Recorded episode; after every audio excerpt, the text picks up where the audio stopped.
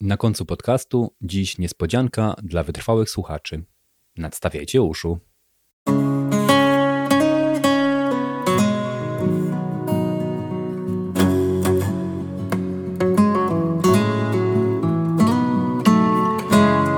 Miesięcznik Znak Polowanie na ideę Przy mikrofonie Mateusz Burzyk.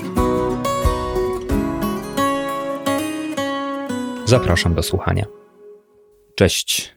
Zapraszam na polowanie na ideę i odcinek poświęcony Rebece Solnit, amerykańskiej pisarce, feministce i aktywistce społecznej. Jest ona autorką ponad 20 książek, z czego sześć zostało dotąd przełożonych na język polski. Mężczyźni objaśniają mi świat, Zew włóczęgi, Nadzieja w mroku, Matka wszystkich pytań, Wspomnienia z nieistnienia i wydane ostatnio Róże Orwella. Już samo wymienienie tych tytułów pokazuje zarazem spójność, bo wszystko tu do siebie pasuje, jak i pewną różnorodność publikacji Solnit. Jej najważniejsze tematy to feminizm i sprzeciw wobec praktyk niedemokratycznych, nadzieja, swoboda wędrowania oraz walka ze zmianami klimatycznymi. Solnit urodziła się na początku lat 60. Większość życia spędziła w San Francisco, mieście, o którym chętnie opowiada. Niezbyt dobrze wspomina dzieciństwo ze względu na doświadczenie przemocy, jakiej wobec niej i matki dopuszczał się ojciec. U progu dorosłości przeniosła się do Paryża, lecz dalszą edukację w zakresie dziennikarstwa kontynuowała już na prestiżowym Uniwersytecie Kalifornijskim w Berkeley. Formacyjnym dla niej doświadczeniem było obserwowanie i opisywanie protestów, jakie w drugiej połowie lat 80. XX wieku miały miejsce na poligonie Nevada, gdzie do 1992 roku odbywały się regularne i liczne próby broni atomowej. Wielowątkowe ujęcie tego tematu zmusiło ją do wypracowania nowego warsztatu pisarskiego, opartego na połączeniu pierwszoosobowej narracji z komentarzem historycznym, wrażliwością społeczną, analizą kulturową i dziennikarstwem śledczym. Tego stylu Solnit trzyma się do dziś. Oprócz form książkowych, teksty Solnit można znaleźć w amerykańskiej i brytyjskiej prasie The Guardian, Harper's Magazine lub Literary Hub. Swoimi przemyśleniami autorka dzieli się też jednak chętnie na Facebooku, gdzie w swobodnym dostępie przeczytać można jej komentarze do spraw bieżącej polityki, na przykład skandali wokół Donalda Trumpa lub opieszałości polityków wobec walki ze zmianami klimatycznymi. Choć największą rozpoznawalność przyniosła Solnit książka pod tytułem Mężczyźni objaśniają mi świat, chciałbym zaprezentować ją szerzej niż wyłącznie jako pisarkę feministyczną. Dla mnie Solnit to przede wszystkim autorka zachęcająca do zaangażowania, autorka nadziei na zmianę, autorka usiłująca poszerzać pole doświadczanej wolności. Zobaczmy teraz bliżej, co kryje się w jej książkach. Kluczowym pojęciem dla wspomnianego przed momentem zbioru esejów pod tytułem Mężczyźni objaśniają mi świat jest panjaśnienie. W oryginale mansplaining. A więc deprecjonujące traktowanie rozmówczyni, kobiety, której mężczyzna z wyższością tłumaczy rzeczywistość. O panjaśnieniu mówimy zwłaszcza wtedy, gdy mężczyzna poucza dyskutującą z nim kobietę, mimo że ma ewidentnie mniejsze niż ona kompetencje. Solnit ukuła ten zwrot na podstawie wydarzenia, którego sama doświadczyła. Na jednym z przyjęć w Aspen w Kalifornii pewien, jak go określa, bardzo ważny pan pouczał ją w temacie książki, której sama była autorką. Przemawiając, nie przyjmował do wiadomości, że obok niego siedzi specjalistka. Ona zaś była zbita z tropu przez jego arogancką pewność siebie. Takich sytuacji doświadczyło niestety wiele kobiet, o czym wnioskuje z komentarzy do jej książek. Oryginalność Solnit polega w tym kontekście na tym, że zjawiska, jakie zachodzą w codzienności, potrafi tak trafnie nazwać, że jej słowa stają się lotnymi metaforami, a powszechne, aczkolwiek przezroczyste dotąd zjawiska zaczynają kłuć w oczy.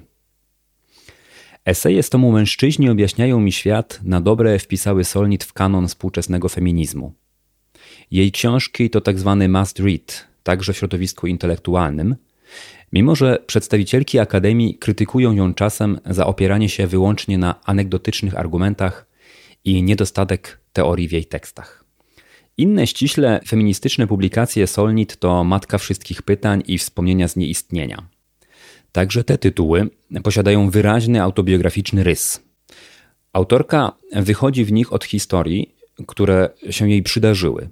Na przykład od pytań na spotkaniach autorskich o powody braku posiadania dzieci. Pytań, dodajmy za Solnit, nigdy nie zadawanych mężczyznom, którzy mogą robić kariery i w przeciwieństwie do kobiet nie są rozliczani z rodzicielskich obowiązków. We wspomnieniach z nieistnienia Solnit argumentuje, że poczucie zagrożenia jest w życiu kobiet tak powszechne, że chcąc nie chcąc stają się specjalistkami od usuwania się w cień, wycofywania się, unikania niewygodnych sytuacji, niechcianych uścisków i dotknięć, czy, tu prozaiczny przykład, konieczności zajmowania coraz mniej miejsca w autobusie, gdzie kolejni mężczyźni zawłaszczają ich przestrzeń. Niezwykle mocne wrażenie wywołuje w tej książce porównanie ofiar gwałtów do weteranów wojennych. Te dwie grupy mierzą się z zespołem stresu pourazowego, przy czym u skrzywdzonych kobiet syndrom ten występuje częściej i ze względu na brak systemowego wsparcia rzadziej jest leczony. Szkody psychiczne potęguje zaś fakt, że sprawcą przemocy nie jest jakiś obcokulturowy wróg, ale najczęściej ktoś ofierze znany partner, kolega z pracy, chłopak poznany na imprezie. Pisanie w pierwszej osobie uwiarygadnia książki Solnit, ale ma także charakter aktywizujący i wyzwolicielski. Bo jak przyznaje w matce wszystkich pytań, milczenie i wstyd są zaraźliwe, ale mowa i odwaga również. Dlatego jednym z celów pisania Solnit jest niewątpliwie wydobywanie kobiet z tytułowego dla jej książki nieistnienia, czynienie ich głosu bardziej słyszalnym i zwiększanie ich obecności w życiu publicznym. W temacie feminizmu warto wspomnieć także o publikacji Cinderella Liberator, czyli w dosłownym tłumaczeniu o kopciuszku wyzwolicielce, pracy, w której Solnit reinterpretuje znaną wszystkim historię kopciuszka. Cudowne zamąż pójście i zmianę w księżniczkę zastępuje równościową relacją z partnerem i spełnieniem wypracowanym w ramach prowadzonego przez siebie biznesu, piekarni.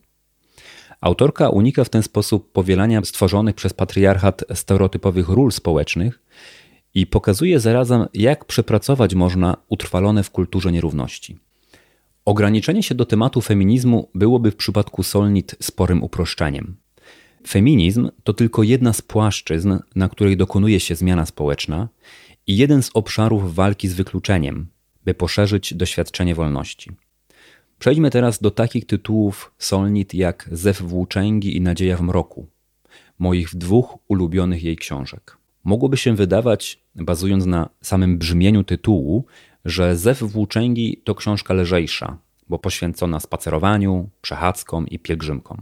Jednak nic z tych rzeczy. Owszem, chodzenie to przejaw fizycznej aktywności, stan, jak pisze Solnit, w którym umysł, ciało i świat spotykają się ze sobą, jak gdyby były prowadzącymi rozmowę postaciami. A przemierzanie świata to, jak pisze w innym miejscu, jeden z najlepszych sposobów pobudzania i odkrywania umysłów. Jednak swobodę takich wędrówek mają dziś nieliczni, bo po pierwsze potrzeba na niewolnego czasu, a po drugie coraz trudniej o swobodny i bezpieczny dostęp do terenów, które na długie wędrówki pozwalają, o terenach zielonych czy dzikich nie wspominając. W dobie rozpędzonego kapitalizmu widzimy w możliwości uprawiania tej aktywności przywilej elity. Dlatego Solnit, jak na pełną temperamentu pisarkę przystało, przesuwa zainteresowanie z przyjemności, jakiej chodzenie niewątpliwie jej sprawia, na tematy, z którymi swobodne poruszanie się wiąże, na zjawisko uprzemysłowienia, prywatyzacji gruntów publicznych, ucisk i zamknięcia kobiet, rozrastania się przedmieść czy odcieleśnienie życia codziennego. Z możliwości swobodnego wędrowania Solnit czyni więc niejako papierek lakmusowy tego, czy świat zmierza w dobrym kierunku, czy przyroda nie jest dewastowana, czy nie pogłębiają się nierówności, bo bogaci wykupują dostęp do wcześniej dla wszystkich dostępnych przestrzeni, i czy nie kurczą się miejsca, gdzie może zawiązać się wspólnota. W końcu, czy rola kobiet nie jest ograniczona tak, że zabrania się im pokazywania w miejscach publicznych lub dlatego, że boją się wychodzić? Słyszymy więc, że problemów w zewie włóczęgi jest co niemiara. Idealną figurą, która wyznacza Solnit przejście od niewinnej aktywności fizycznej do zaangażowania w zmianę świata, jest tak zwana pątniczka pokoju, czyli Mildred Norman, która w latach 50. ubiegłego wieku, a więc w czasie szalejącej zimnej wojny, zaczęła przemierzać Stany Zjednoczone, maszerując w intencjach rozbrojenia i pokoju dla świata. O jaką zmianę chodzi? Otóż pątniczka pokoju nie pielgrzymuje już w duchu religijnym, prosząc Boga o interwencję i pomoc z zewnątrz. Raczej domaga się zmiany politycznej, stawiając żądanie, którego odbiorcą jest już nie Bóg czy jakieś inne bóstwa, lecz społeczeństwo. I ważne dopowiedzenie ze strony Solnit. Być może epoka powojenna wyznacza kres w to, że zmiany dokonać może jedynie opatrzność. Bóg nie zapobiegł bowiem zagładzie Żydów. Żydzi zaś odzyskali upragnioną ziemię obiecaną środkami politycznymi i wojskowymi. Z pewnością taki kres dokonał się w życiu naszej pisarki. Solnit okazuje się w tym kontekście myślicielką całkowicie zaświadczoną. Przekonuje, że trzeba brać sprawy w swoje ręce, organizować się, maszerować i protestować. Pozostawienie spraw samym sobie to zdanie się na nieznany los lub pozostawienie ich w rękach osób o przeciwnych do naszych interesów. Powiedziałem już na wstępie, że książki Solnit pasują do siebie, ale z pracą o wędrowaniu szczególnie współgra książka o nadziei, także w odniesieniu do doczesnej jedynie perspektywy. Autorka pisze wyraźnie, cytuję: To, o czym marzymy, jest już obecne na tym świecie. Koniec cytatu. Źródeł nadziei i rozwiązań dla trapiących nas dziś problemów Solnit upatruje więc nie w zaświatach, ale we wspólnym zaangażowaniu w sprawę. Właśnie zaangażowanie okazuje się kluczowe, bo dla Solnit istnieje fundamentalna różnica między nadzieją a optymizmem. Cytuję. Optymiści sądzą, że wszystko będzie dobrze bez względu na nasze zaangażowanie. Pesymiści zajmują przeciwne stanowisko. Obie strony zwalniają się z obowiązku działania. Nadzieja to przekonanie, że to, co robimy, ma znaczenie, nawet jeśli nie sposób z góry przewidzieć, jakiego i kiedy znaczenia nabierze i na kogo i na co może wpływać. Koniec cytatu. W każdym razie nadzieja niewiele ma wspólnego z radosną paplaniną, że wszystko będzie dobrze, dodaje w innym miejscu na samym początku książki Solnit. Przytoczonym przed chwilą cytacie istotne są trzy kwestie. Po pierwsze, tytułowy mrok w książce o nadziei sugeruje, że wiele ze zmian, na które czekamy, dojrzewa powoli, niejako pod powierzchnią, a potem wydarza się niespodziewanie, jak na przykład upadek muru berlińskiego, którego miesiąc wcześniej nikt nie przewidywał. To bardzo ważne, bo czasem nie wychodzimy z domów, nie podejmujemy walki, sądząc, że nie ma ona szans na powodzenie. Po drugie, Solnit podkreśla, że liczy się każdy gest, bo nawet jeśli okaże się on nieskuteczny w naszej części świata, to może doda odwagi i zainspiruje kogoś innego. Tak oplatała glob idea nieposłuszeństwa obywatelskiego. Martin Luther King zaczerpnął ją od Gandiego. Ten z kolei inspirował się Tolstojem, a on zaś brytyjskimi sufrażystkami. Po trzecie, gdy się już zaangażujemy, zawsze jest za wcześnie, by się wycofać, uznając, że sprawa przybrała właściwe rozwiązanie. Najlepszym tego przykładem jest dbałość o demokrację. Wydawałoby się, że w Stanach Zjednoczonych demokracja to rzecz oczywista i nie trzeba szczególnie zabiegać o jej prawidłowe funkcjonowanie. Ale prezydentura Donalda Trumpa i zamieszanie z przekazaniem władzy pokazały, jak delikatna to instytucja nawet w państwie, które jest jej nowoczesną kolebką. O sprawy dla nas ważne zawsze należy dbać.